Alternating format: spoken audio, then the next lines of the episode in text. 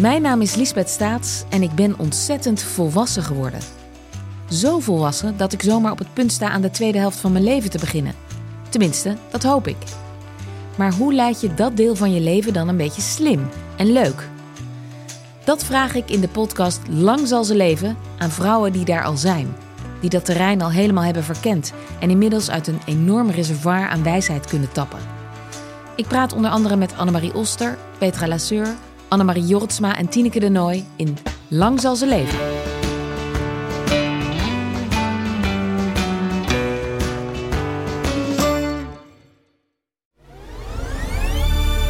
Kortie Media.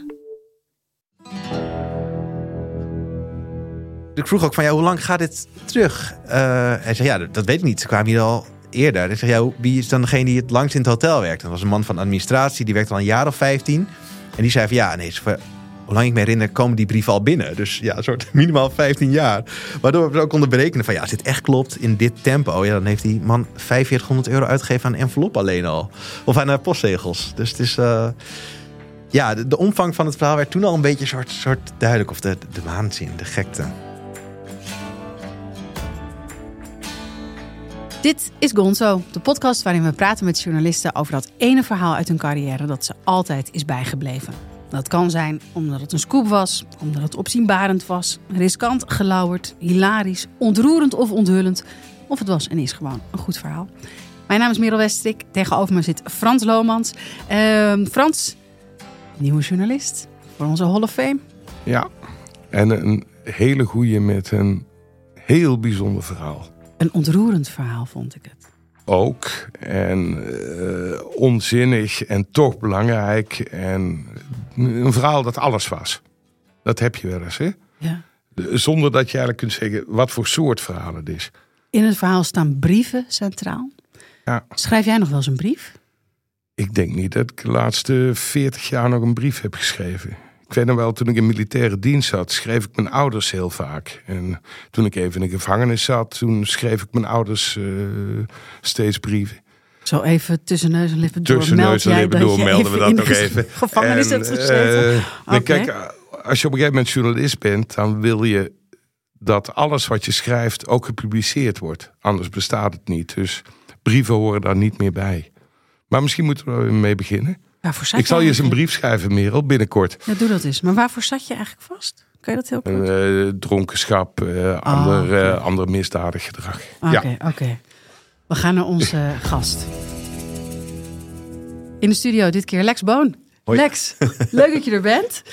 We beginnen altijd even met een uh, kort cv, daar gaan we. Uh, je begon als freelance journalist in 2008 voor onder andere AT5 en voor de NOS.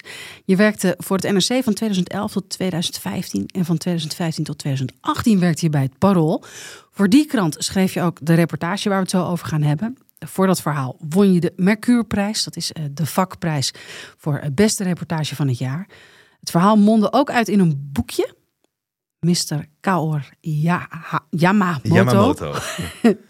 Sinds 2018 ben je weer freelance journalist. In 2019 verscheen je boek Ananas, waarin je op zoek bent gegaan naar ananasverhalen van over de hele wereld, omdat je ex jou bij het afscheid een IKEA ananasplant cadeau deed. Kijk, Mooie aanleiding. onze gast heeft niet veel aanleiding nodig om een boek te schrijven. Het kan allemaal heel klein zijn. ja. Je nieuwste boek uh, was een bundel van je beste en leukste reportages. De man die van zijn been een lamp maakte. Uitgekomen in 2021. Vorig jaar maakte je een podcastserie. Het mysterie van de Deria Star Night. Je bent bezig met een nieuw boek over alle Van Goghs die ooit zijn gestolen. Lex, toen we jou uh, vroegen om hier te komen praten over dat ene verhaal in je carrière dat je altijd is bijgebleven. Wist jij toen meteen welk verhaal dat moest zijn? Eigenlijk wel. Ik heb nog wel lang getwijfeld. Maar nee, ja, dit verhaal is wel ja, het soort verhaal waar ik nog het meest op wordt aangesproken. Dus veel mensen herinneren zich het. Uh, dus iedere week uh, zegt iemand weer van, oh ja, jij bent, oh, jij bent van die Japaner. en het is, ja, het, het, is een verhaal waarin soort, voor mij alles wat ik zoek in een verhaal, dat viel goed. En alles lukte. en dus ja, het is een soort... ik ben nog steeds heel blij mee dat, dat, dat dit verhaal gelukt is. Dat heel vaak mis kunnen, kunnen gaan. Het verhaal waarover we het gaan hebben. En dat verscheen in het Parool op 29 december 2018. Jij kreeg een tip Hotel Spaander in Volendam ontving al jaren exact dezelfde handgeschreven brieven vanuit Japan. Uh, het hotel stuurde er antwoorden achteraan, probeerde uit te zoeken wie die brieven schreef. Niks mocht baten, uh, kreeg geen antwoord, brieven bleven maar komen. Jij dook in dit mysterie en gaandeweg je onderzoek ja, voegden steeds meer personages zich eigenlijk in bij jouw zoektocht. Van de hotelmanager tot uh, een kunstenares met dezelfde naam als de brievenschrijver, een schilder. en jullie reisden uiteindelijk samen af naar Japan om het grote vraagteken achter die brieven op te lossen. Ik hoor een muziekje, Frans. Dat betekent uh, dat we naar de reclame gaan. Hoera! Ja, jij zegt altijd hoera, want jij bent blij met reclames, hè? Dan kunnen wij blijven bestaan door die inkomsten. Absoluut waar, dan kunnen wij lekker door met Gonzo. Nuttige mededeling deze keer. De journalisten die wij in Gonzo spreken, die hebben vaak te maken met gevoelige informatie en bronnen. Dus jij, luisteraar, misschien ook wel. En om die gevoelige informatie te beschermen kun je Noord VPN downloaden. Ja, en VPN dat is een afkorting van virtueel privé-netwerk. En leuk dat je Gonzo een keer zei, want meestal zeg jij Gonzo. Hè? Ik, uh, ik kom uit Limburg, uh, Merel, en dan zeg je altijd rare dingen. Zal ik even vertellen wat dat virtuele privé-netwerk inhoudt? Ja, uh, het voordeel van zo'n virtueel privé-netwerk is dat je je locatie kan verbergen en je verbinding kan versleutelen. Dus dan wordt je online privacy verbeterd.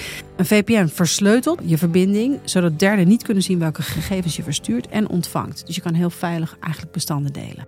Lijkt me, lijkt me ongelooflijk nuttig voor uh, journalisten bijvoorbeeld. Is het ook wat voor jou?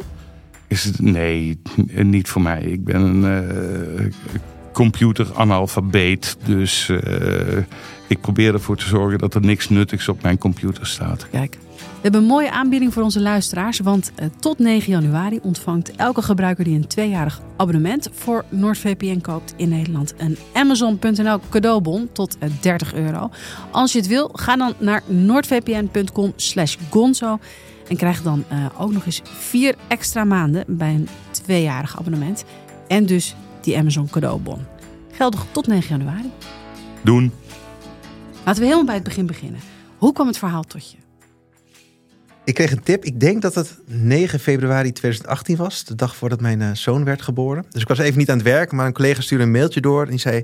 Lex, misschien is dit iets voor jou. Iemand had de krant gemaild met het verhaal van... hey, ik heb gehoord dat Hotel Spaander al bijna, soms een paar keer per week... exact dezelfde brief uit Japan ontving. En dat, dat mailtje was al zo mysterieus en gek... dat ik toen ook wel heb... Ik vraag niet het werk, maar het meteen heb teruggemaild van... niet aan iemand anders geven. ik ga het meteen doen als ik terug ben. Want ja, ik zag een... Ik denk, nou, dan kom ik weer eens buiten de stad uh, bij Volendam. En het, verhaal sprak me op zoveel manieren soort meteen aan. Uh, dus een maand later, toen ik uh, weer aan het werk was, toen ben ik inderdaad een afspraak gemaakt. Ik heb het hotel gebeld van, hey, klopt het van die brieven? ja, ja, mag ik ze ook, mag ik ze ook zien? ja, graag, want wij weten ook niet wat we ermee mee moeten. Dus toen ben ik op een, op een dag naar Volendam gegaan. en eigenlijk, ik, ik geloofde het niet. Dat, dat mailtje kwam ook van iemand die zat bij een PR-bedrijf, dat volgens mij ook af en toe wel voor het hotel werkt. Dus ik dacht, ja, is dit nou een soort scam of een soort PR-verhaal waar ik om een beetje aandacht intern, te om een beetje soort aandacht te, te krijgen. Klopt dit verhaal niet? Het klonk zo onwaarschijnlijk. Uh, en toen uh, zat ik daar in, in, in het restaurant aan een tafeltje met de directeur. En die, die kwam met een tasje aan. En die, die gooide het tasje leeg op tafel. En de hele tafel verspreidde zich met soort uh, ja, met, met, allemaal exact dezelfde brieven. Met zo'n van die luchtpost-envelop met zo'n mooi randje eromheen. Waanzinnige Japanse postzegels. En overal stond uh, exact hetzelfde op. Je hebt er een meegenomen. Ik heb er eentje meegenomen, ja. En deze vond ik nog. En hij is nog niet geopend. Uh, dus als je hem wil openen, dan kan je een beetje de sensatie ervaren van het openen van een brief waarvan je eigenlijk precies weet wat erin staat. Behalve dat, dat er misschien nu toch een keer iets anders in staat. dat, dat hoop je. Ja, zullen, dat is... zullen we hem nog heel even dicht Zullen we nog even, even ja. ja. want dan, dan, dan, dan misschien dan... Zal ik zeggen wat ik denk dat erin staat? Ja, vertel. Want jij zit daar aan tafel met de directeur van, van Hotel Spaander. Ja, en, die, die geeft me al die brieven en daar staat op... Uh, Dear sirs, how are you and how's the weather? Thank you for sending me some information the other day. Uh, en dan van uh, hope all's well. Send my regards to the team. Kind regards or yours faithfully, Mr. Kaur.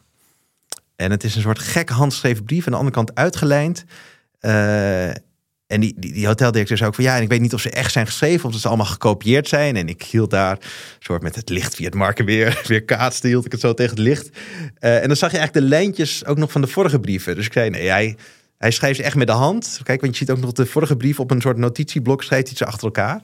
Dus die directeur zei, oh, dat is, dat is al een eerste ontdekking. En om hoeveel brieven ging het? En over wat voor periode?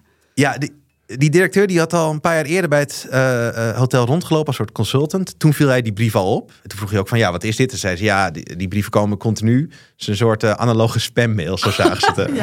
ja. en toen waren we dus een paar jaar later. En toen werd hij directeur van het hotel. En tot zijn verbazing kwamen die brieven nog steeds binnen. En toen was hij ze gaan verzamelen.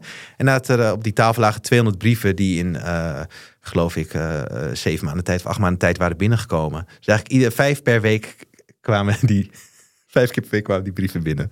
Bizar. Ja, en ik wist dus ook wel van, oké, ja, dit is wel echt. Hier zit niet een... Uh, en dat bleek dus jaren terug te gaan. Hè? Het was niet dat het alleen... Jij, jij zag nu de stapel van ja, de ja, van wat laatst, ja, dus ik, ik, ik, vroeg ook van, ja, hoe lang gaat dit terug? Uh, hij zei, ja, dat, weet ik niet. Ze kwamen hier al eerder. Ik zeg, ja, wie is dan degene die het langst in het hotel werkt? Dat was een man van administratie, die werkte al een jaar of 15. En die zei van, ja, nee, lang ik me herinner, komen die brieven al binnen. Dus ja, een soort minimaal 15 jaar. Waardoor we ook konden berekenen van ja, als dit echt klopt in dit tempo, ja, dan heeft die man 4500 euro uitgegeven aan envelop alleen al. Of aan uh, postzegels. Dus het is. Uh, ja, de, de, omvang van het verhaal werd toen al een beetje soort, soort duidelijk. Of de, de waanzin, de gekte. En wat dacht jij toen je, toen je die stapel uh, zag? Pakte het je meteen? Dacht je meteen, dit is... Ja, en vooral toen ik die, die, die, die brieven begon te lezen en een paar openmaakte en meenam het was gewoon. Soms heb je opeens het gevoel van, ja, wacht, nu weet ik wat me te doen staat. Dit is, dit kan ik doen. We moeten deze man vinden. Uh, en ik dacht ook, ja, hoe moeilijk kan het zijn? Er staat een adres op. Uh, een naam. Een naam. Uh, en ik vroeg ook, en heb je wel eens een brief teruggestuurd? Ja, we hebben wel eens een brief teruggestuurd, maar nooit, nooit antwoord gekregen, behalve de, de exact dezelfde, dezelfde brief. Dus ik heb eigenlijk toen ter plekke beloofd aan die, die hoteldirecteur van... Ja, vertel niet tegen andere journalisten. Ik ga dit uitzoeken voor je. Ik ga hier achter komen. Dit moet toch lukken. Meldde je toen al bij de krant van... Ik ben een verhaal op het spoor? Of dacht je nog van... Dit is zo absurd. Is dit wel een verhaal? Nou, ik wist wel... Ik heb wel de krant wist ook dat ik naartoe was. Ik heb wel gezegd van... Ja, dit, dit wordt wel een verhaal. Er zit wel een verhaal in. Uh, maar ja, dat kan ik nu nog niet in de krant zetten. Ik, ga, ik dacht, ik stuur die man een brief naar Japan en dan vraag ik antwoorden. Dan kunnen we kijken wat het, wat het is. Dus er komt wel iets, uh, iets aan. Uh, maar ik, ja, ik had hier ook. Uh, ik wist wel van ja, ik ga hier niet een stukje van 700 woorden over schrijven. Van oh, een hotel ontvangt al heel lang brieven. Wat gek. ik dacht, ja, dit is wel het verhaal is er pas als we weten wat hierachter zit. Waar begon je vervolgens, Alex? Ik heb een, ik heb een brief geschreven. Uh, in, het, uh, uh, in het Engels opgesteld. en ik denk, ik stuur, een, stuur ook een krant er in mijn kaartje dat ik echt journalist ben. En ik heb, omdat al die brieven hetzelfde waren, dacht ik, ja, spreekt deze man wel echt Engels? Zijn dit toevallig de enige Engelse woorden dat hij, dat hij kent? Dus ik heb de, de brief ook in Japans laten, laten vertalen door iemand. en die zei wel meteen van, ja, Lex, het is wel iets opvallends. Want hij, hij noemt zichzelf Mr. Kaor. Ja. Maar dat kan eigenlijk niet in het Japans. Zo de enige, uh, er moet altijd, behalve bij de N, moet er nog een klinker achter staan. Dus het moet kaori zijn of uh, karu. Dus uh, de, oh, de, onderbreekt iets. Ja. Dus dat is, dat is, is gek. Oké, okay, ja, dit staat op, op zijn brief. Uh, dus ik heb een brief gestuurd en toen ben ik gaan, uh, gaan wachten. En tussendoor allemaal andere verhalen gaan maken. Maar dit maar, Want je had, voor de duidelijkheid, je had nog geen adres waar je de brief naartoe kon ja, ja, er sturen. Staat, of ja, er staat hier boven op de voorkant van, van envelop. Nou, er staat, we hebben natuurlijk ook al eerst op, op Google Earth gekeken. Dan kom je uit op een soort industrieterrein. Uh, dus er staat geen exact adres op. Er staat eigenlijk alleen het dorp op waar deze Mr. Kao woont. En dat is op uh, Japan staat vier eilanden, geloof ik. Het kleinste eiland. daar, daar woont hij. Uh, in de buurt van het dorp Isa. Uh, maar geen postcode, geen huisnummer. Uh, dus ja, het was ook een beetje op de gok dat ik denk van, als komt dit wel aan? Is het dan echt adres ja. of niet? Want maar ook dacht... geen achternaam, hè? Yamamoto, jawel. jawel. Dat wist je ja, toen, ja, hoe wist je dat? Dat, dat staat op de, op de envelop. Dus op? onder de brief stond het niet, maar op de envelop stond ja. Kaor Yamamoto met een soort van, ah. van adres. Uh, dus daar heb ik naartoe gestuurd, maar wel een beetje soort op de gok van ja, komt het aan of is het geen echt retouradres? Dat zou misschien ook verklaren dat die brief van het uh, hotel nooit zijn, zijn aangekomen. Uh, Maar je dacht, als het op dat eiland terechtkomt, dan brengen ze het wel naar Mr. Kaoru Yamamoto. Ja, dat wist ik ook niet. Want ik had wel een soort op, op Google gekeken en een beetje het soort daar in het gebied de huisjes geteld. Voor mij waren iets van 170 panden. Dus ik denk, ja, dat zal dan wel dat daar zo'n lokale postbode weet waar het, waar het heen moet. Uh, en er ging hem, denk wel een week of zes voorbij. En ik was ook wel een beetje, beetje vergeten dat ik die brief had gestuurd. En ik werkte nog bij het Parool en ik ging op een gegeven moment koffie halen. En we hadden een soort in een kleine kantine met een prikbord. Waar gewoon een soort gekke post naar de krant en geboortekaartjes en mededelingen hangen. En opeens zag ik daar een van mijn brieven liggen. Uh, of eigenlijk de brief van, van het hotel. Exact dezelfde tekst. Dear sirs, how you now? Dus ik dacht, hè? Ben ik nou een brief Ik had staat meegenomen, ben ik er eentje kwijtgeraakt? Of hangt die daar? En toen keek ik naar de datum en er stond recente maand op. Dus ik denk, nee, dat, dat is een brief voor mij. Dus ik zoek ernaar van, hoe komt deze brief hier op het prikbord? Dus ik naar, de, naar mijn chef. En die zei, oh ja, ja die brief die, uh, die kwam binnen. Die heb ik me opgehangen. Dat vond ik zo'n gekke, gekke brief. Dus ik in zijn prullenbak zoeken naar de envelop. En daar stond... Uh, uh, ja, dat was eigenlijk exact dezelfde brief zoals de hotel ze kreeg. Alleen dan stond het parool erop. Dus niet mijn naam erop. naar de krant gestuurd. En blijkbaar exact dezelfde, dezelfde inhoud. En ik was op dat moment was ik soort heel blij van, oh, wat een mazzel dat mijn chef dit niet heeft weggegooid dat ik dit heb gevonden. Ja. Want het was het bewijs dat het adres in ieder geval klopte. Die brief komt, uh, komt aan daar. En toen een paar dagen later kwam er weer een brief binnen. En toen een paar dagen later kwam weer een brief binnen. Dus zelfde, zelfde brief Exact dezelfde brief. Ook ik stond op de mailinglijst van Mr. K hoor. En ik dacht, ik werd echt soort gek. Ik dacht, ja, word ik hier nou getrold? Zit daar nou iemand aan de andere kant van de wereld zichzelf te verkneukelen? Nooit. Ik ga deze journalist wel exact dezelfde brief sturen... terwijl je eigenlijk antwoorden, antwoorden wil. Maar even voor de duidelijkheid, want het is echt een, een, een dot van een brief. Hè? Het is echt zo'n airmail uh, brief met, met twee van die hele dottige Japanse postzegeltjes ja, uh, ja. achterop. En uh, die posten, ja, die zijn ook wel weer grappig. Het voelt gewoon een soort ja, een soort even een brief van ver weg. Ik was altijd heel blij als die brief binnenkwam. Ja. Dat, uh, maar je had dus eigenlijk raakgeschoten in die zin. Je had de afzender van de brieven bereikt. Ja. Alleen misschien nog niet op een manier zoals je hoopte. nee, nog, uh, nee, nee, totaal niet. Uh, Hoe ging je verder? Want, want, want, want de afzender is dan, ja, je weet dan, oké, die, brief, die brief van mij is aangekomen. Hij schrijft uh, terug op zijn eigen bijzondere manier. Ik had nog, ja, ik had nog één andere optie. één spoor waarvan ik eigenlijk dacht, ja, dit, dit kan niet kloppen. Maar ook omdat het voelde alsof ik in de maling werd genomen. Uh, ik had ontdekt dat er in Amsterdam een, een kunstenares was, Kaoru Yamamoto. Uh, dus er scheelt eigenlijk één letter, Mr. Kaoru en, en Kaoru. Maar dat zou die ontbrekende klinker kunnen zijn, waarvan de Japanoloog me over had, had verteld. en ik dacht op een gegeven moment van ja, ik ga het toch maar benaderen. Misschien heeft daar iets mee te maken. Ik las dat ze in de jaren negentig naar Amsterdam was gekomen. En ze hield bezig met digitale kunst. Ik denk, nou, zie dit een soort kunstproject, juist als tegenhanger, een soort analoog. Ja, een soort, dat was een beetje dezelfde periode dat die brieven misschien wel naar de Hotel Spanen waren geboren. dus het was echt kansloos. Dus ik, maar ik denk, ja, het is het enige spoor wat ik nu, uh, nu heb. Dus ik heb haar uh, een uitgebreid bericht gestuurd. Uh, en toen kreeg ik al vrij snel een bericht terug waar vooral bleek dat ze niks meer te maken had. Dat ze klonk echt in paniek van, gebruikt iemand mijn naam en uh, wat is dit? Ik zei, nee, rust gaan, ik, ik, ik, ik kom wel even langs. Uh, ze heeft een, uh, een kunstgalerie op de, op, op, de, op de gracht. Dus ik daarheen met een stapel, stapel brieven. een van de kunstenaars die ze vertegenwoordigt, Rinus van Hal, een, een, Amsterdamse kunstschilder, die, die was er ook bij. en ik daar dat verhaal uitleggen. En nou, zij opende ook een paar brieven. En je zag ook het ongeloof in hun ogen van wat is dit? Dus ja, zij waren, ze hadden niks mee te maken. Maar Rinus en Koudo waren meteen net zo gefascineerd als, uh, als ik. En Koudo zei van... Uh, ja, als ik, uh, als ik iets voor je kan betekenen, als ik moet helpen. Ik spreek vloeiend Japans. ik ben opgegroeid in Osaka. Is een paar uur rijden van het gebied waar Mr. K vandaan komt. Dus laat het weten, want ik wil dit, dit nu, ook, nu ook weten. Dus opeens had een soort naamgenoot van, van Mr. K hoor. Die, uh, die soort van bij jouw onderzoeksteam ja, in één keer hoorde. Die, die komen ook helpen en zeggen, oh ja, Yamamoto, dat is een beetje als de jong in, in Nederlands. Dat is een, uh, uh, ja, dat is vrij algemeen, dus daar kunnen we, kunnen we niks mee. Ehm, ik ben ook naar iemand geweest die die gespecialiseerd is in het ontdelen van handschriften. Wat een pseudowetenschap is, maar heel lang heel serieus genomen. Ik denk, ja, toch maar kijken of zij iets zinnigs over kan, kan zeggen. En, zei hij er iets zinnigs over? Nee, nou ja, uh, het was een man. dat, uh, dat klopte. De leeftijd die ze aangaf klopt uiteindelijk ook, uh, ook wel. Maar ze zei wel, en dat maakte me zorgen, zegt, ze ging brieven vergelijken. En zegt, ja, kijk, zijn, zijn handschrift wordt kriegeliger of gekker. Het lijkt wel of, of, of, of hij achteruit gaat. Oh. En toen kwam er ook nog opeens brieven binnen bij, eh, eh, bij de krant. En hij sloot dat af met eh, yours faithfully, Mr. Cower. En nu stond er iets van, eh, van best wishes of iets van een soort. Dat voelde als een soort afscheid. Oh.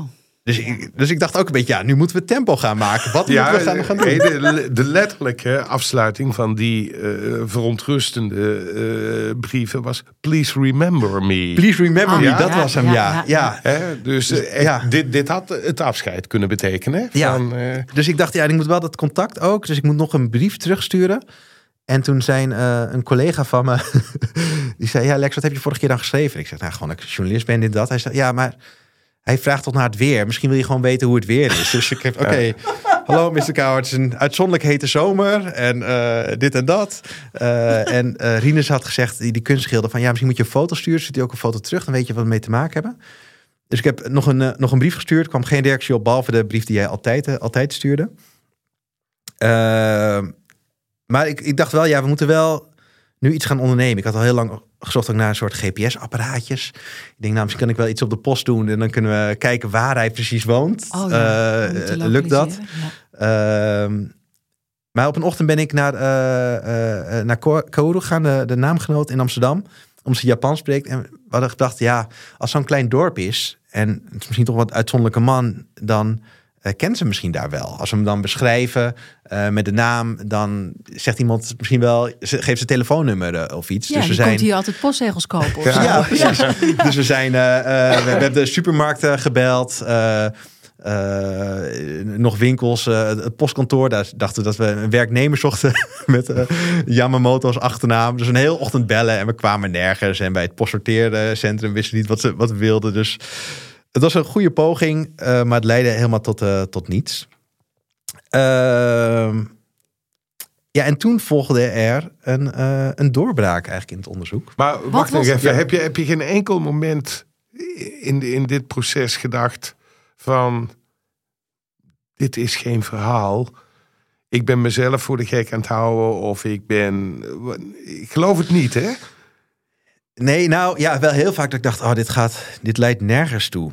Eh, en ik wist nog helemaal niet wat het verhaal was op dit moment. Behalve dat ik daar zo'n heel stapel brief had die steeds maar groter werd. Van ja, Ja. er zit iemand aan de andere kant van de lijn, aan de andere kant van de wereld, dit te doen.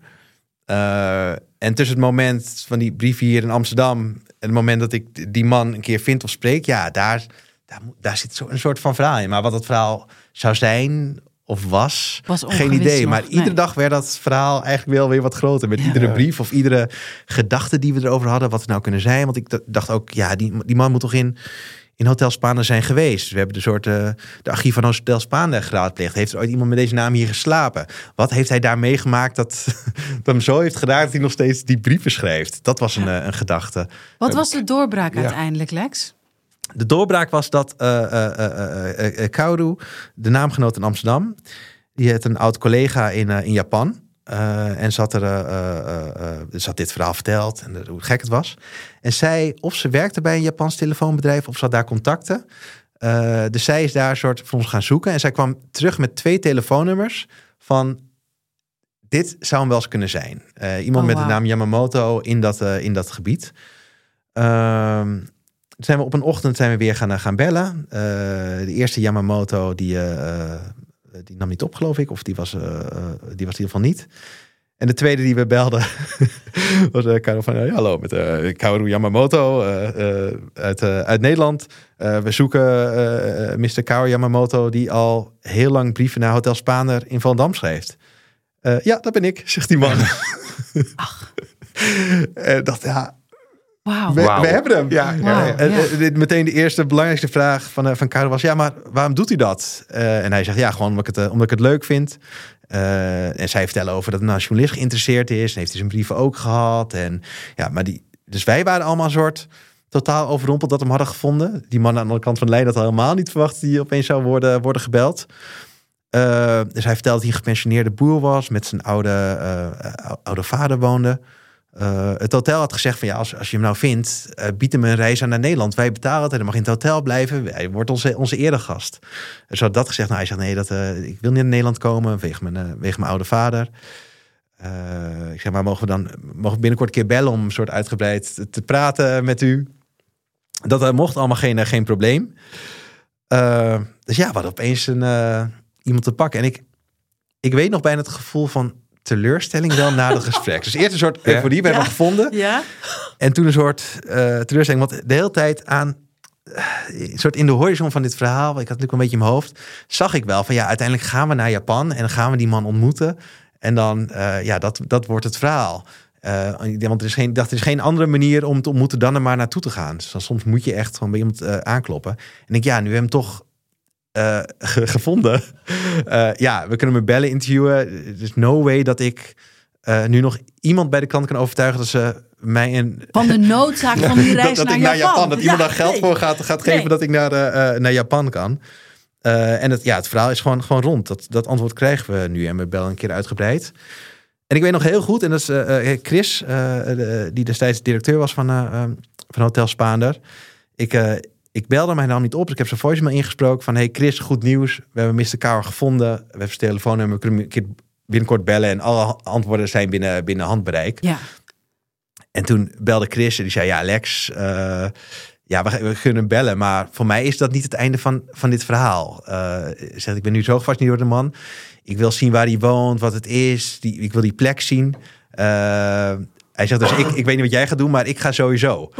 Uh, Oh, zo. En dat was, dat was, dat was ook het juiste journalistieke instinct van de ja. hoteldirecteur. En ik dacht alleen maar pragmatisch van ja, ik moet naar de... Ja. Ik, ik, ik, dit gaat nooit lukken om... Uh, ik krijg om, dit geld niet Ik werk bij Parool, een stadskrant. Ja. hey, kan ik naar, de, uh, naar Japan. En dan ook nog eens voor brieven aan een Volendamse. Ja, dus het was helemaal soort... Ik dacht, in beperking. En opeens dacht hij had het juiste instinct. Ik dacht, ja, heeft ook gelijk. Ik, we, moeten er nu, uh, nu hij, heen. Hij was opeens eigenlijk de journalist en jij was de boekhouder. Ja, ja, ja. precies. dus dat, ik, dus volgens mij denk ik, ja, ik moet me ook niet laten, laten kennen. Ja. Um, en, ja, maar hoe dus, kreeg je dat voor elkaar? ja, dat is een van de wonderlijke dingen in dit, uh, uh, dit verhaal. Dus ik had wel eens...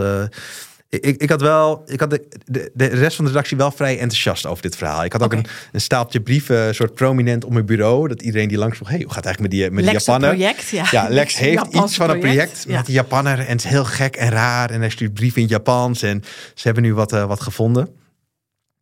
Um, maar ik dacht, ja, dat gaat. Dat, dat, ik, ik, kan ook geen subsidie aanvragen. Want ja, waar gaat dit verhaal nou over?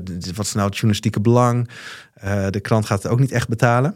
En had je inmiddels wel Alex uitgebreider met hem uh, gepraat aan de telefoon? Ja, we hebben een keer vanuit het hotel hebben gebeld. Ook met de hoteldirecteur uh, erbij. maar ja, dit was ook ingewikkeld te praten. Dat bleef een beetje dat bij bleef een beetje. We, wisten we konden geen goed idee krijgen van wie hij nou was en wat hij was. En ook omdat de hoteldirecteur. We hadden eigenlijk gebeld om te vragen van mogen we langskomen? Want de hoteldirecteur wilde dat, uh, wilde dat sowieso. En ik zat ook wel een beetje te denken, ja, ik moet toch een manier vinden om, uh, uh, om daar naartoe te gaan.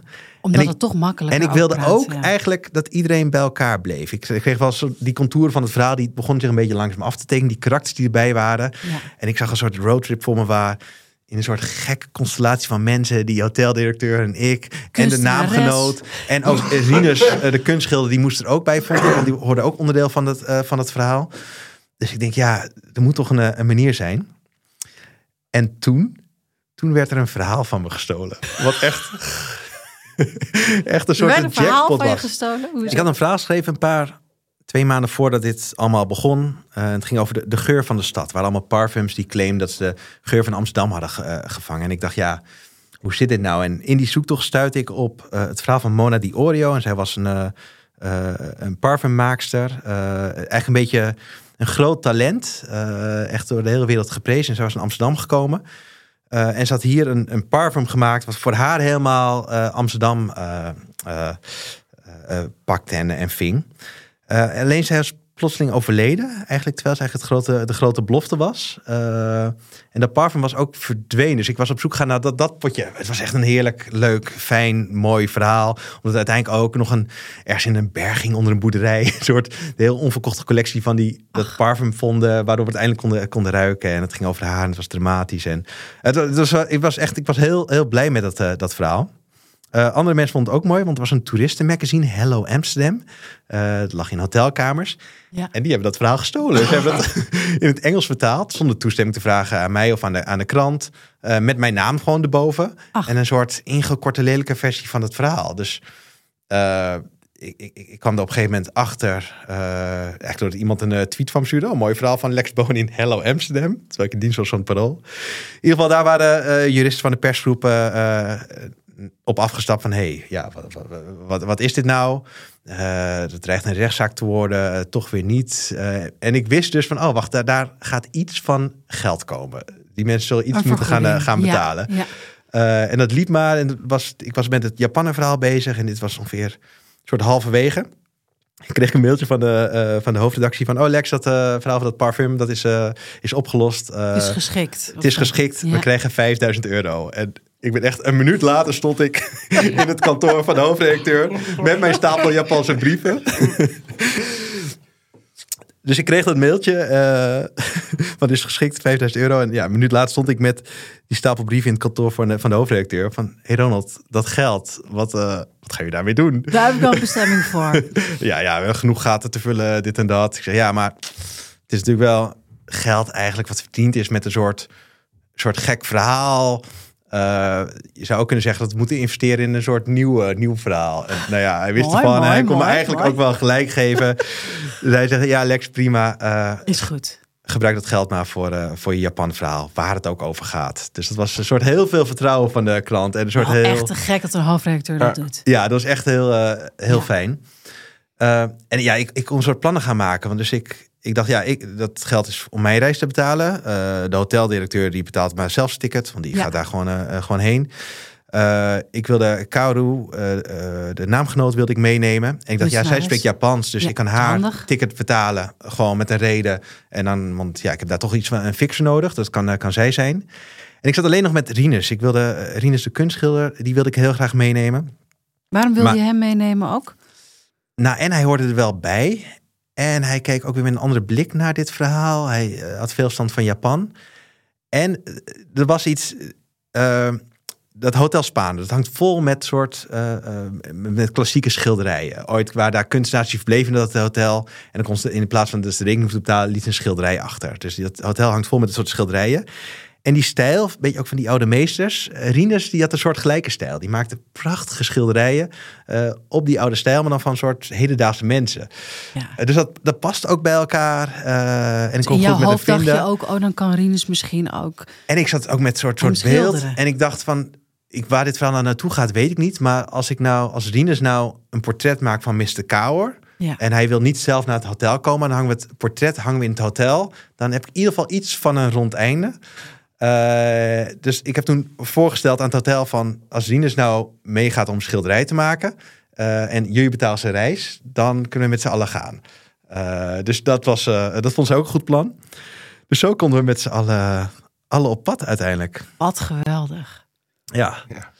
En toen Lex glundert nu ook heel erg. Hè? Dat moeten we misschien even ja. benoemen. En wij glunderen met hem mee. Nou ja, je orchestreert eigenlijk je eigen avontuur en daarmee ook je eigen verhaal. Het is, het is, het is, ja, ik, vind, ik vind het prachtig.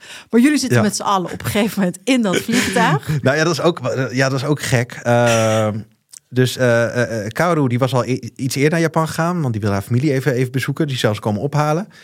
Uh, ik kwam eigenlijk pas bij het border kwam ik uh, Chris, de hoteldirecteur, tegen. En hij had zijn halfbroertje meegenomen. Oh. want zij gingen samen ook wat familie bezoeken in Japan of op rondreizen daarna. Uh, dus we zagen elkaar zo in het vliegtuig stappen. en ik zat met Rinus uh, uh, de hele nacht naast elkaar. Een soort, ja, naast iemand in het vliegtuig zit is ook intiem als je iemand niet kent. en ik ben intiem. eigenlijk altijd gewoon liefst in mijn, in mijn eentje. En opeens ben je met zo'n zo'n groep op pad. Een rebellenclub had je in één keer. Ja, en dat, toen kwamen we aan in, in, in Japan. En toen werden opgehaald door, door Karu. En dat was eigenlijk het eerste moment dat we met z'n allen bij elkaar waren. Dus ook een beetje soort aftasten. Want iedereen had daar soort eigen reden, eigen belang om, om erheen te gaan.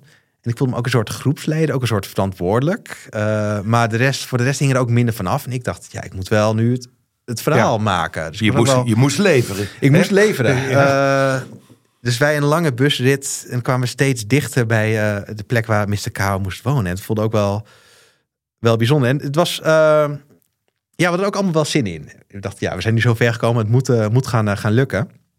Totdat we aankwamen in het hotel. en er kwam een, een tyfoon kwam eraan.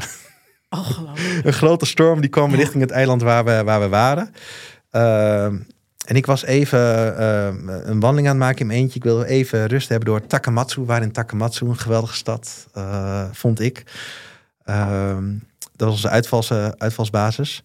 En ik kwam terug in het hotel. En toen stonden Rinus en, en, die stonden helemaal te stuiteren. Want ze hadden toch alvast uh, Mr. Kauer even, even gebeld om de afspraak te bevestigen.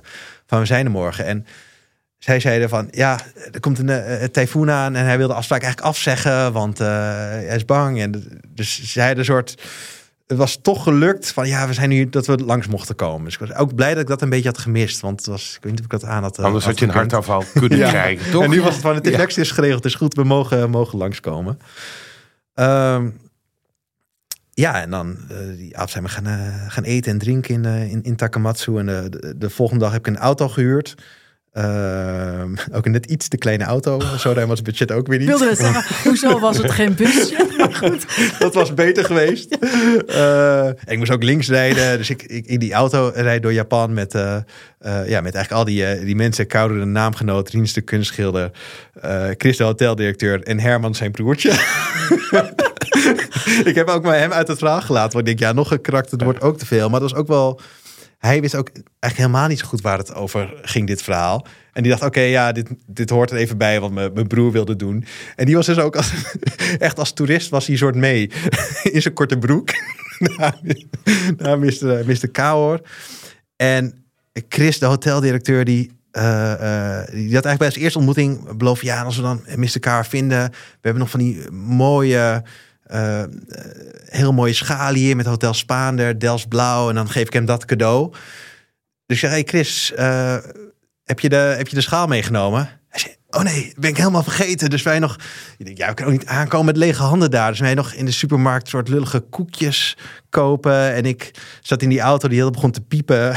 Omdat ik te veel, ik moest links rijden. En uh, het was allemaal krap en ingewikkeld.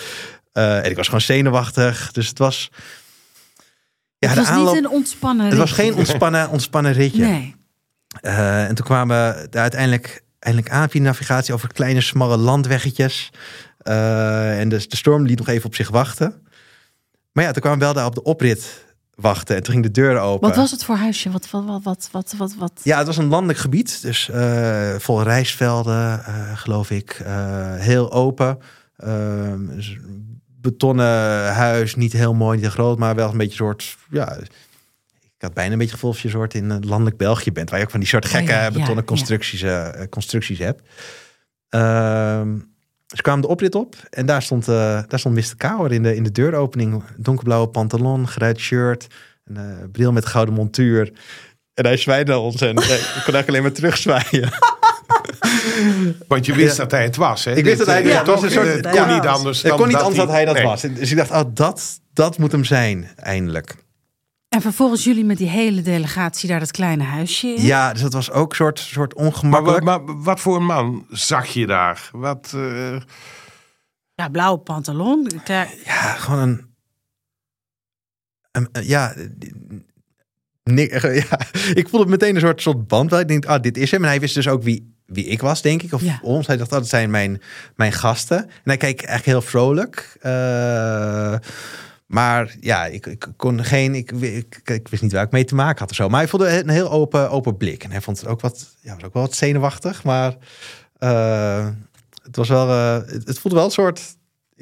Dat voelde wel een soort vertrouwd. Maar ik voelde me een soort heel erg schuldig, omdat ik eigenlijk. En we kwamen met zo'n hele grote groep aan. En ik wist het eigenlijk de dag daarvoor twijfels had vanwege uh, de tyfoon. Dat hij zich ook een beetje zorgen maakte. Dus ik voelde me wel een soort ongemakkelijk. Als een soort invasie in het huis kwamen. En toen uh, Chris gaat ook zijn schoenen uit te trekken. Die stormde meteen dat huis binnen. Een soort allemaal ongemak waar je denkt, ja, het mag wel iets. En we hadden geen cadeautjes, uh, dan cadeautjes ben je als mee. groepsleider toch verantwoordelijk. Het, het, het, was best een, uh, een soort tyfoon die niet helemaal deugde. Ja. Zoals jullie, ja, het gezelschap. Ja, gewoon soort af en toe denkt toch bij journalistiek soort een beetje fly on the wall. Ik ben graag onzichtbaar. En ja, hier kon, kon je niet om ons, ons heen. En we kwamen in zijn, in zijn huis, soort ja. Dan word je als journalist ook denk ik geconfronteerd met je eigen ongemakken van hoe je het fijn vindt om normaal gesproken te werken.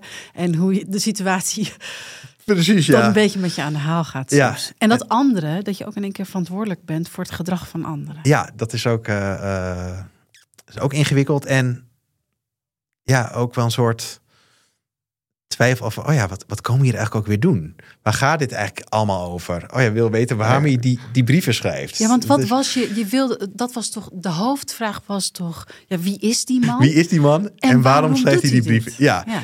En we gingen dus eh er zitten met z'n allen in, eh, op de grond. eh, in zo'n Japanse eh, kamer. En die- Miss legde allemaal kussentjes voor ons neer. En die zei, oh, wacht nog even. En die kwam terug met een hele rij blikjes, eh, eh, blikjes koffie. En toen konden we beginnen. En ik vroeg wat het gesprek mocht, mocht opnemen. Eh, en dat, eh, dat mocht. Ehm, en ja, iedereen keek naar mij van...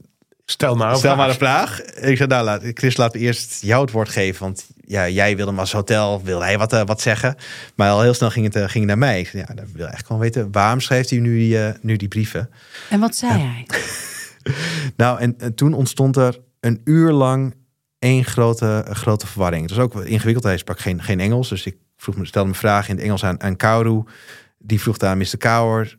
Dat ging een tijdje in Japans, ging weer terug. En dan kwam Mr. Kaur. En, eh, en, en Kaoru zei tegen mij...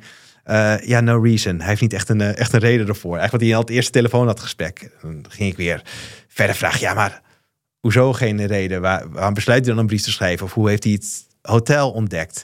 En er was heel veel spraakverwarring. Hij begreep eigenlijk niet wat we bedoelden met hotel.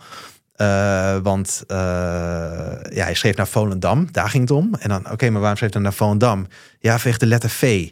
Waarom letter V? Ja, mijn verjaardag is op de 22e. De V is de 22e letter van het alfabet.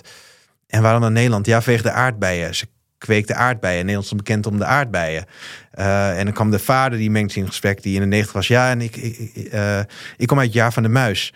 En dan, oké, waarom de... Het jaar van de muis. ja, ja, van de muis. Ja, een muis, het is uh, Nizumi geloof ik. En het lijkt dan weer op het Japanse woord voor eh, Holland of Nederland.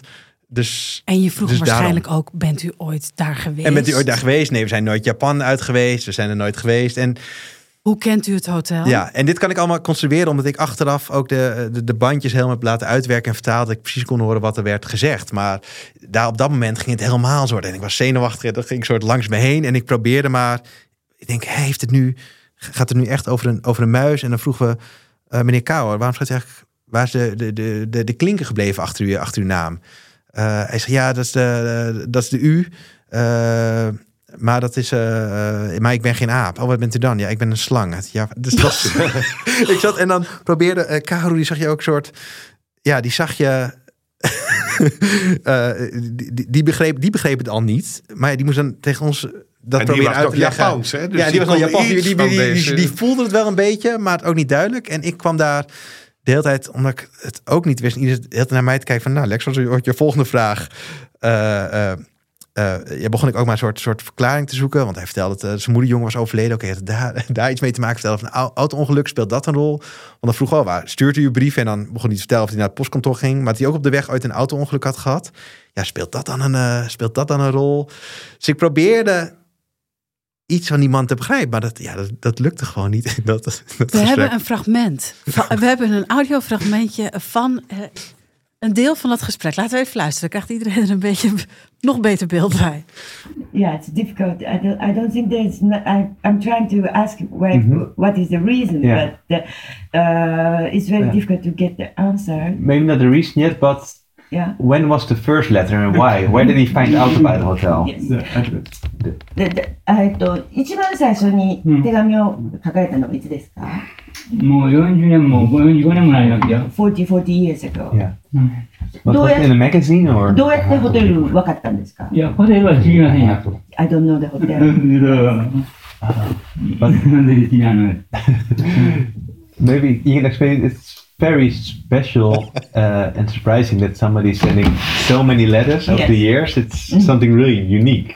あのもうすごくあのなんて言って特別なことなので、あのそんなにたくさんお手紙いただいて、だからどうあどうやってそのホテルを知られたのかなんかあの企画みたいなのがあったら教えてほしいんですけど。それは全然ジャンルですけど、私。 No, this 全 is 然ジャンルですけど、そのホテルというのはね。はい。はい。 Well, he doesn't know the hotel. Okay. It's very difficult. nou, oké, oké, hoor ik jou zeggen. Maar j- jij, jij ging langzaam kapot daar. Ja, ik dacht, wat. ehm, gewoon, ik probeerde een verklaring te vinden voor dit alles. En een soort reden. En ik stel dus heel veel vragen waar ik denk, is, is, zou dat het dan kunnen zijn? En, en, en, dus ja, we kwamen niet uit. En ik, we hadden afgesproken om de volgende dag nog een keer terug te komen. Eh, op een gegeven moment iedereen, ja, ik was na een uur praten ook wel uitgepraat. Of ik wist ook niet. Dus we... En uitgeput. En ik uitgeput. En ik dacht, ja, ik moet dit allemaal. wat, wat, wat, wat, is dit nou? Waar heb ik nou mee te maken? Ik had niet het gevoel dat ik een antwoord had, eh, had gekregen. Eh, en we mochten de volgende dag terugkomen, want Rinus wilde nog een, een portret maken. En dat vond hij ook fijn. Dus we hadden wat voorbeeldwerk laten zien, dus dat mocht. Dus ik dacht, nou, ik heb morgen nog een, eh, nog een kans. Dus laten we maar eh, het, voor nu hierbij, eh, hierbij houden. En ja, het, het was allemaal. Ik, ik probeerde. Dan liepen we ook liepen naar buiten en zag je daar een soort kalenderbord. En er stond op de 22 stond ook omcirkeld. En er stond dan ook Volendam geschreven. Dus ik, ja, ik probeerde daar een soort chocola van te maken. Maar het, het was een soort, soort verwarrend. Ehm, en ik had. kreeg gewoon geen antwoord op de vraag. Nou Waarom? ja, geen duidelijk antwoord. Op dat moment begreep ik het in ieder geval niet. Omdat het ook zo'n soort allemaal via, via vertaling was. En ik was dus ook, ik raakte ook wel gefrustreerd. Eh, want ik dacht, ja, dit is allemaal, allemaal voor niets. Wat ben ik hier nu aan het, eh, aan het doen? Eh, en ja, voor, voor, voor Chris, hoteldirecteur, was eigenlijk al geslaagd. Die stond op de foto met Mr. Kouwer. eh met een brief. Ja, En eigenlijk, hij wilde heel graag die foto in de Volendamse krant. eh, de niveau, daar was het om, te- om te doen. Dat is hun eh, publiek, dus die was heel blij. Ieder- Eh, ieders missie was geslaagd. Iedere behalve missie jouwe. behalve die van mij. En ik dacht, ja, en dit is toch de, mijn, mijn missie is toch het belangrijkste van allemaal. En toen kregen we ook in de auto zaten we terug. Toen kregen we ook een beetje ruzie in de, in de groep. Eh, want ontstonden wat, eh, wat verschillende kampen. Want eh, eh, eh, ja, Herman, de, eh de halfbroer die mee was, die vond het sowieso allemaal vermakelijk. Chris die was gewoon heel blij dat die, ja, we hebben toch, het is gelukt, we hebben het toch gelukt. Ja. Eh, en ze vonden ook wel dat ik toch te ver ging met, eh, met mijn vraag. Want ik probeerde een soort verklaring te zoeken. Dus ik begon uit paniek ook van... Ja, maar hoe zit het nou met zijn overleden oma? Een soort in Nederland voel je af en toe wel... Ja, je was veel te persoonlijk, hè? Ik, ik werd veel te, veel te persoonlijk. Op een gegeven moment omdat ik ook niet wist van... Ja, is dat het dan? Moet ik het daarin zoeken? Dus al tijdens het interview was Caro... wilde ze sommige dingen niet te vertalen. Eh, want ze dacht, ja, dat is persoonlijk. Maar, en ik dacht, ja, dit is mijn kans. Hier ben ik voor. Dus nu moet ik misschien even...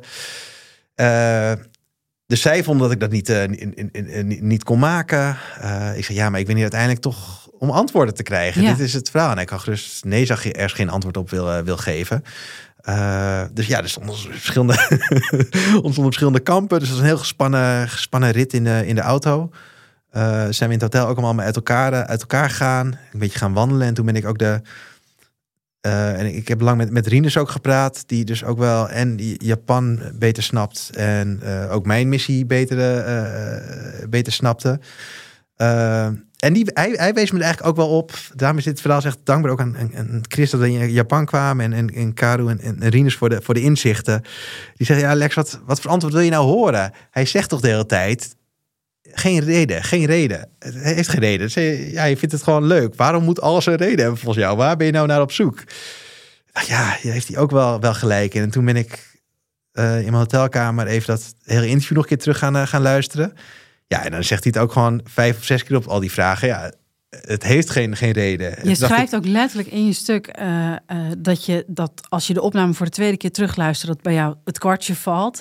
Hij zegt het eigenlijk al in de eerste minuut van het eerste gesprek dat jullie hebben. En ook het eerste telefoongesprek dat jullie al eerder hadden. En hij zegt het ook nu vijf keer, zeg jij. Waarom schrijft hij de brieven? Geen reden. Waarom is de tekst elke keer hetzelfde? Geen reden. Wanneer besluit hij een brief te schrijven? Geen reden. Waarom stuurt hij soms een shampootje mee? Want dat doet hij dus ook. Geen reden. Waarom stopte hij met brieven schrijven naar de krant? Geen reden.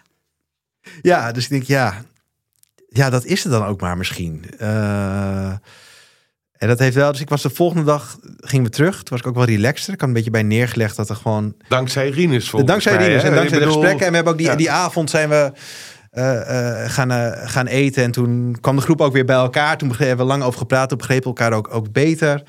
Eh, en toen eh, ging het goed. En de volgende dag ben ik alleen zonder Chris eh, en Herman, alleen met Rines en Karu in een klein groepje heen gegaan, want Chris had zijn foto, om dat schilderij te maken. En dat werkte ook beter. En ik was zelf ook relaxed, want ik had erbij neergelegd van ja, dit, dit is wat het is. En als journalist is mijn taak gewoon te schrijven wat er gebeurt en wat er, wat er is. Dus ja, misschien is het dit het ook en zegt het meer over mij. Dat ik zo hard op zoek ben. Ja. Dat ik met vijf man naar Japan ga om een antwoord eh, te zoeken op iets wat misschien. Dat jij eh, vindt dat er altijd een reden voor iets Ja, moet zijn. ja, dat, terwijl eh, misschien iets soms geen ja, reden en kan. deze man was volstrekt gelukkig en relaxed met het feit dat hij brieven schreef. En hij vond ook niet erg dat ze niet werden opengemaakt. Eh, en, en dat hotel, ja, het is geen idee dat hij naar een hotel schreef. Het ging om Volendam. En daar had hij zijn redenen voor. En dat was... dus ik was ook wel... En ik, ik besefte me, en dat is mij een van de, van, van de kernzinnen in dit, in dit verhaal. Terwijl ik daar... Het was ook fijn, want toen gingen we... eh, de, de tweede afspraak met Mr. Coward ging Rinus dat portret maken. Waardoor we gewoon even niet hoefden te praten. Dus ik kon daar gewoon even zitten en, eh, en kijken. Eh, en toen dachten we, oh ja, ik heb, ik heb geen antwoorden gekregen, maar ik heb ook geen vragen meer. Dat was een soort. Je, de schrijft het, je schrijft het heel mooi op aan het eind. Dan, dan Rinus is dat portret aan het maken. En dat zal dan worden opgehangen natuurlijk in de oude herberg van Hotel Spaander. En dan schrijf je als een ode aan het zotte en het nutteloze. Een herinnering aan een man die iets vol overtuiging doet... zonder daar enige waarde of betekenis aan te hechten. En blijft volhouden, zonder dat er een reden voor hoeft te zijn. Wat heel ontroerend is. Dat vond ik echt prachtig. ja. Eh, dat zag ik op toen. Op dat, in Japan zag ik dat nog niet hoor. Ik dacht alleen maar van hoe ga ik dit verkopen bij de krant? Dat begrijp ik ook. ik, ik weet dat ik een mailtje heb gestuurd. Dus iedereen ging in. eh, ik had een paar dagen extra geboekt. Want ik denk, ja, misschien eh, lukt het niet om in één keer een afspraak te maken. Dus ik, ik moet wel iets van vijf dagen hebben daar. En eh Rinus en Karu gingen eh, naar de ouders van, eh, van Karu. Chris en Herman die gingen op rondreis. En ik zat in Takamatsu in mijn eentje. En ik dacht, ja, ik heb drie dagen in Japan. Moet, wil ik ook niet wat gaan, gaan bezoeken. Maar ik denk, nee, ik blijf hier op deze plek. Gewoon een beetje nadenken over dat, dat verhaal. en Hoe ik dit ga, ga opschrijven. Dus het waren, waren heel fijne dagen in mijn eentje. Daar kon ik ook als een beetje, een beetje op denken. En ik heb een soort mailtje aan de hoofdredactie gestuurd van... nee, groet uit Japan. Verwacht er niet te veel van, hoor.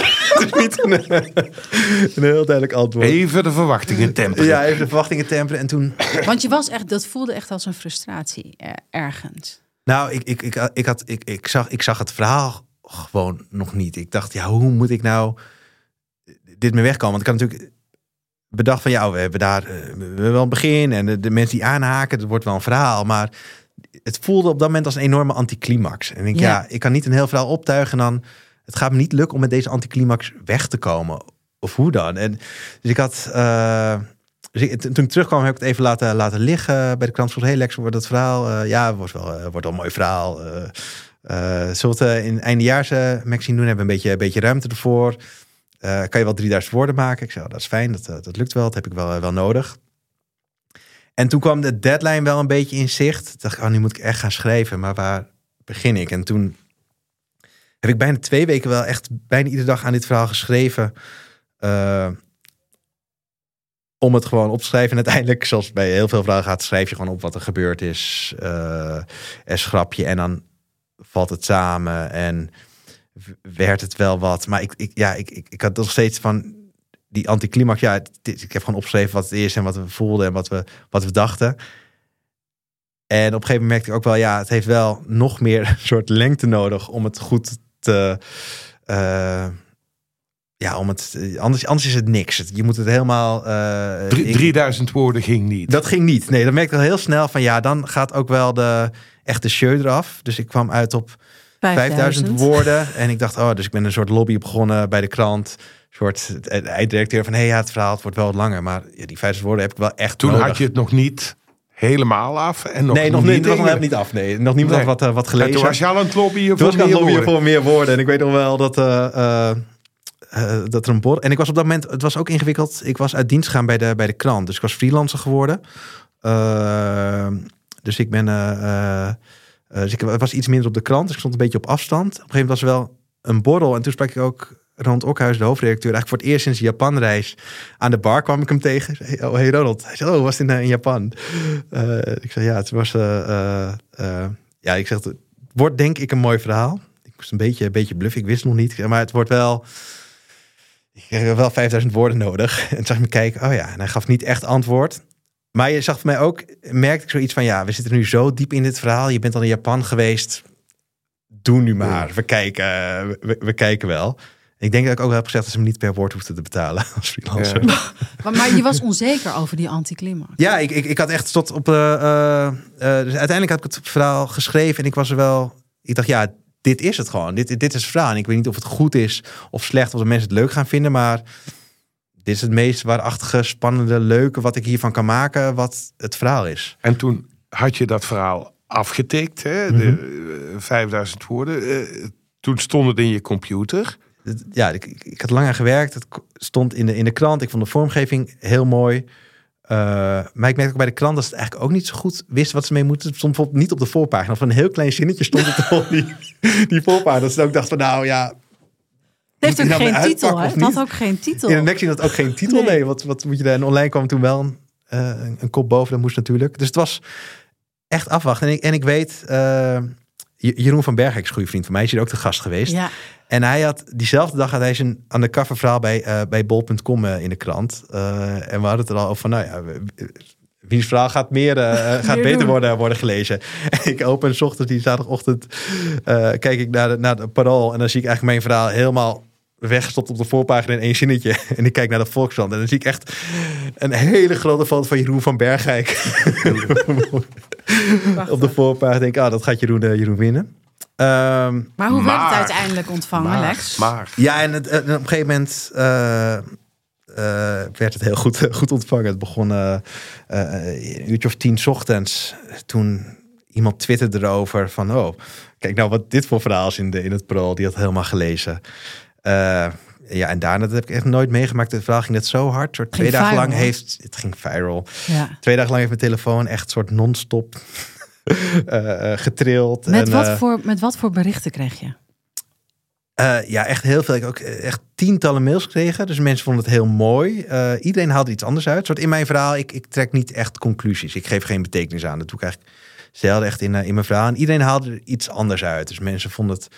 eh, dat had ook te maken met de timing van het verhaal. Het kwam tussen die gekke dagen tussen kerst en nieuwjaar uit. Waar mensen ook bezig zijn met Zingeving. met, met zingeving en met wat zijn mijn doelstellingen voor volgend jaar. Ja. En hier had je een man die dat helemaal niet had en perfect gelukkig was met het was. Dus dat vonden mensen heel eh, leuk. Sommige mensen vonden het gewoon spannend. eh, gewoon het, het avontuur. Ze vonden het ontroerend. Want wat was voor jou de conclusie van het verhaal?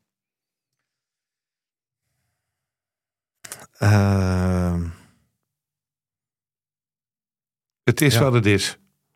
dat, dat, en dat is natuurlijk bij ieder verhaal. Ja, het is wat het is. Ik schrijf als journalist gewoon op wat er gebeurt. En ik probeer het soort mooie vorm te geven. Eh, en ik, ik, ik heb wel voor gewaakt. Ik wilde niet Mr. Kouwer heel erg duiden. Of een, eh, een soort psychologische analyse van hem maken. Van, oh, is er wat mis met me of niet? Het slaat meer terug op, op ons en mij. Van, oh ja, waarom zocht ik zo graag die antwoorden? Of wat, waarom moet alles een reden hebben, hebben voor mij?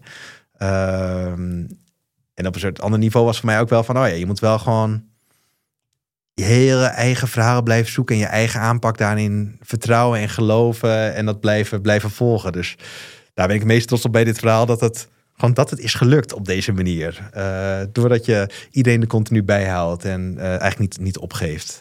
Eh, en de hele tijd die verhaalelementen blijft verzamelen. Dat is eigenlijk een beetje wat je, wat je doet. En dat het uiteindelijk toch allemaal samenvalt. En dat weet je, tot laatst ben je onzeker dat het dan ook toch wordt gewaardeerd. Het was, was fijn om een keer zoveel respons te krijgen op een, op een verhaal. Nu, nu klinkt het een beetje of dat je dat daarvoor nooit hebt gehad en daarna ook nooit meer. Oh nee, zo, dat- zo, nou, nee, ik bedoel zoveel eh, en zoveel verschillende respons.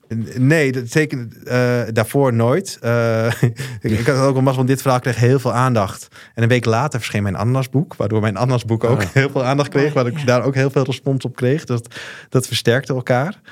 Ehm, maar ik zei, dit, dit is het verhaal wat, ja, wat echt, echt heel veel mensen heeft, heeft bereikt in die, in, die, in die dagen. En waar ik dus eigenlijk overal waar ik nu kom, als ik iemand ga interviewen, dan gaan mensen toch even googelen van, nou, wie ben je? En zeggen ze, oh, je hebt dat verhaal over die, die Japaner, eh, Japaner geschreven.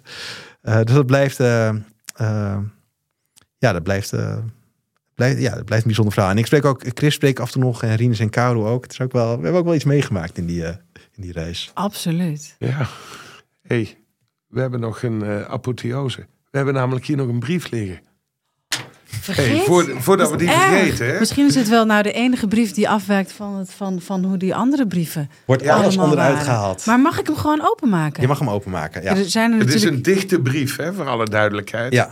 Van eh Mr. Kauer. En ik vind het altijd een soort heel bijzondere ervaring om zo'n brief open te maken. Waarvan je eigenlijk weet wat erin staat. En toch blijft het spannend. Omdat je denkt, ja, misschien is het... Ja, dat vind ik Dus oude postzegelverzamelaar ga ik dan de postzegeltjes wel heel laten. heel goed. Ja, ach. Maar hij iedere dag schreef... Schrijft hij nog? Nee, Is hij gestopt? Nee. na onze reis hotel stopt op een gegeven moment. Ik kreeg ze ook niet meer bij de krant. Hij heeft Rinus lang brieven geschreven. Eh, die kreeg ze opeens in, eh, in Amsterdam. Exact dezelfde brief. Dat is op een gegeven moment ook gestopt. Ehm, Dear sirs, how are you and how is the weather? Thank you very much for sending me some information the other day. Please give my best regards to all members. Yours faithfully, Dr. Kouwer. Dr. Kauer staat eronder. Ja. Ja, dus, Oh, ja. de heer, de heer. Ja, de heer. Oh, sorry, ja, soms sorry, ja. het in, de, in, in, in Nederlands, ja. Nederland. Of het is Mr. Kauer of de heer Kauer. Kortom, dus, eh, het is Iedere toch dezelfde Het is toch, eh, ja. ja. En het grote waarom van het schrijven. Ja, eh, het geeft hem een soort, soort genoegdoening, een soort plezier. Eh, en of het nou is omdat Van Dam eh, de V de 20e letter van het alfabet is, dat een vader uit Jaar van de Muis Ja. komt, eh, dat hij ooit aardbeien heeft gekweekt. Auto-ongeluk Eh, gehad heeft. Ja, eh, het, is, eh, het geeft hem een soort, eh, soort voldoening om het, om het te schrijven. Een soort zingeving. Ja, nee, geen idee. Ik zou het hem een keer moeten vragen. Heb je, eh, hij is gestopt met schrijven. Eh, Ja. zei hij, eh, weet je hoe het nu met hem gaat? We, we hebben hem na het verhaal nog wel één of twee keer gebeld. Zo soort om het, om het jaar even kijken hoe het, hoe het gaat. Laatst tijd niet. Rinus was afgelopen zomer in, in Japan toevallig. En die was in de buurt en die is langs gereden. Om te kijken hoe het met hem ging. Hij was niet thuis. Die heeft toen wel een, een brief in de bus gedaan. Maar nog niks, niks over gehoord. Dus we, we, weten, het, eh, we weten het niet. Maar we En zullen dat is, dat misschien ook wel het beste, hè, om het niet te weten. dat is het een beetje eh, dat ik, ja.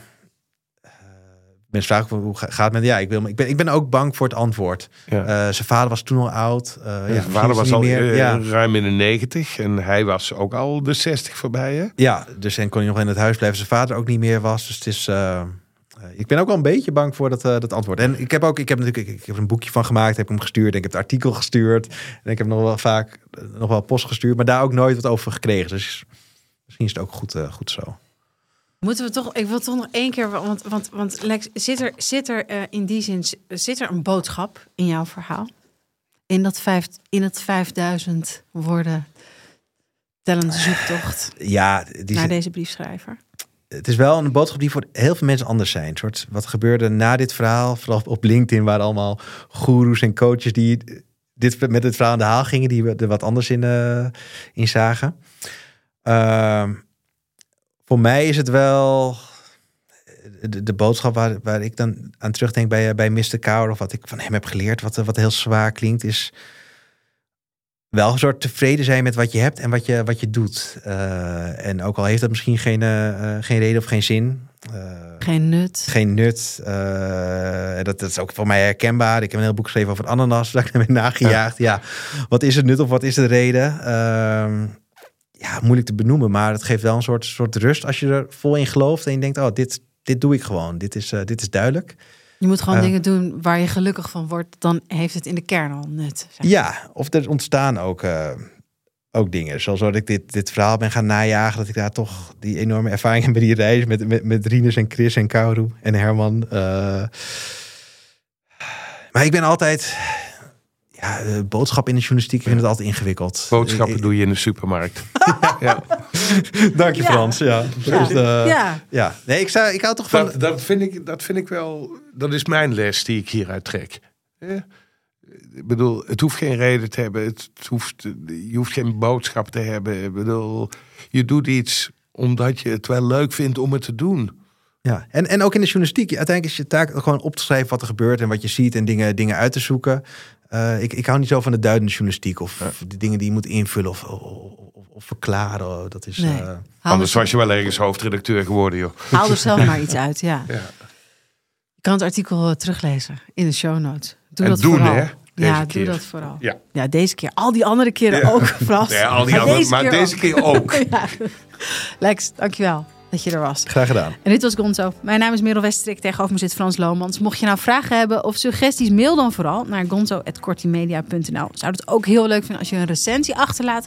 Want dan is Gonzo eh, beter vindbaar, ook voor andere luisteraars. Volgende week weer een goed verhaal. Tot dan.